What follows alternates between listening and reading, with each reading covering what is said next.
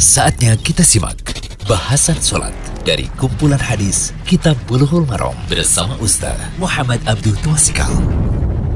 Alhamdulillah, salatu wassalamu ala rasulillah wa alihi wa wasallam. Nah, kali ini kita beralih lagi ke pembahasan audio ke-50 masih dalam kitab Bulughul Maram dari karya Imam Ibnu Hajar Al-Asqalani kitab salat tentang syarat-syarat salat. Sekarang hukum berbicara dalam salat hadis ke-221.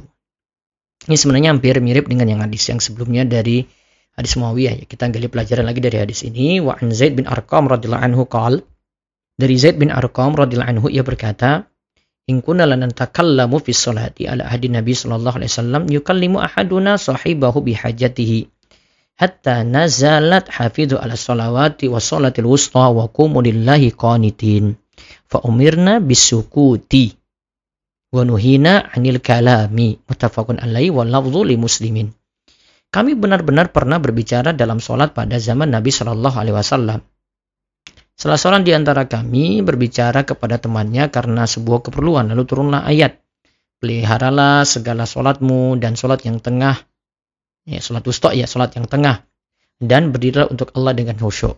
Lalu kami diperintahkan untuk diam. Nah, perintah tadi wakumul laikonitin itu kami perintahkan untuk diam. Dan kami dilarang untuk berbicara. Hadis ini mutafakun alaih diriwayatkan uh, halafatnya itu menurut Muslim. Hadisnya Bukhari nomor 1200 dan Muslim nomor 539. Apa faedah dari hadis ini? Pertama, diharamkan berbicara dalam sholat.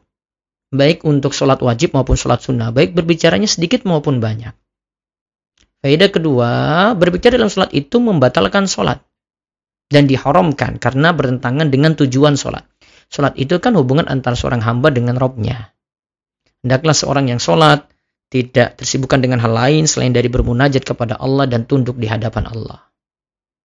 Yang ketiga, siapa saja yang sedang sholat lalu berbicara dalam keadaan lupa atau ia menyangka sholatnya telah usai, menurut pendapat yang paling kuat sholatnya tidaklah batal.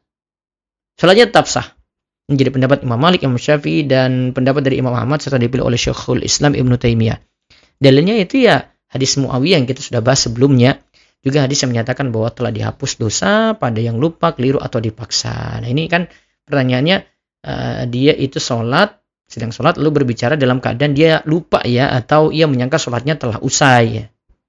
Terus dia bicara, pendapat paling kuat sholatnya tidaklah batal. Wallahu alam, semoga jadi ilmu yang manfaat.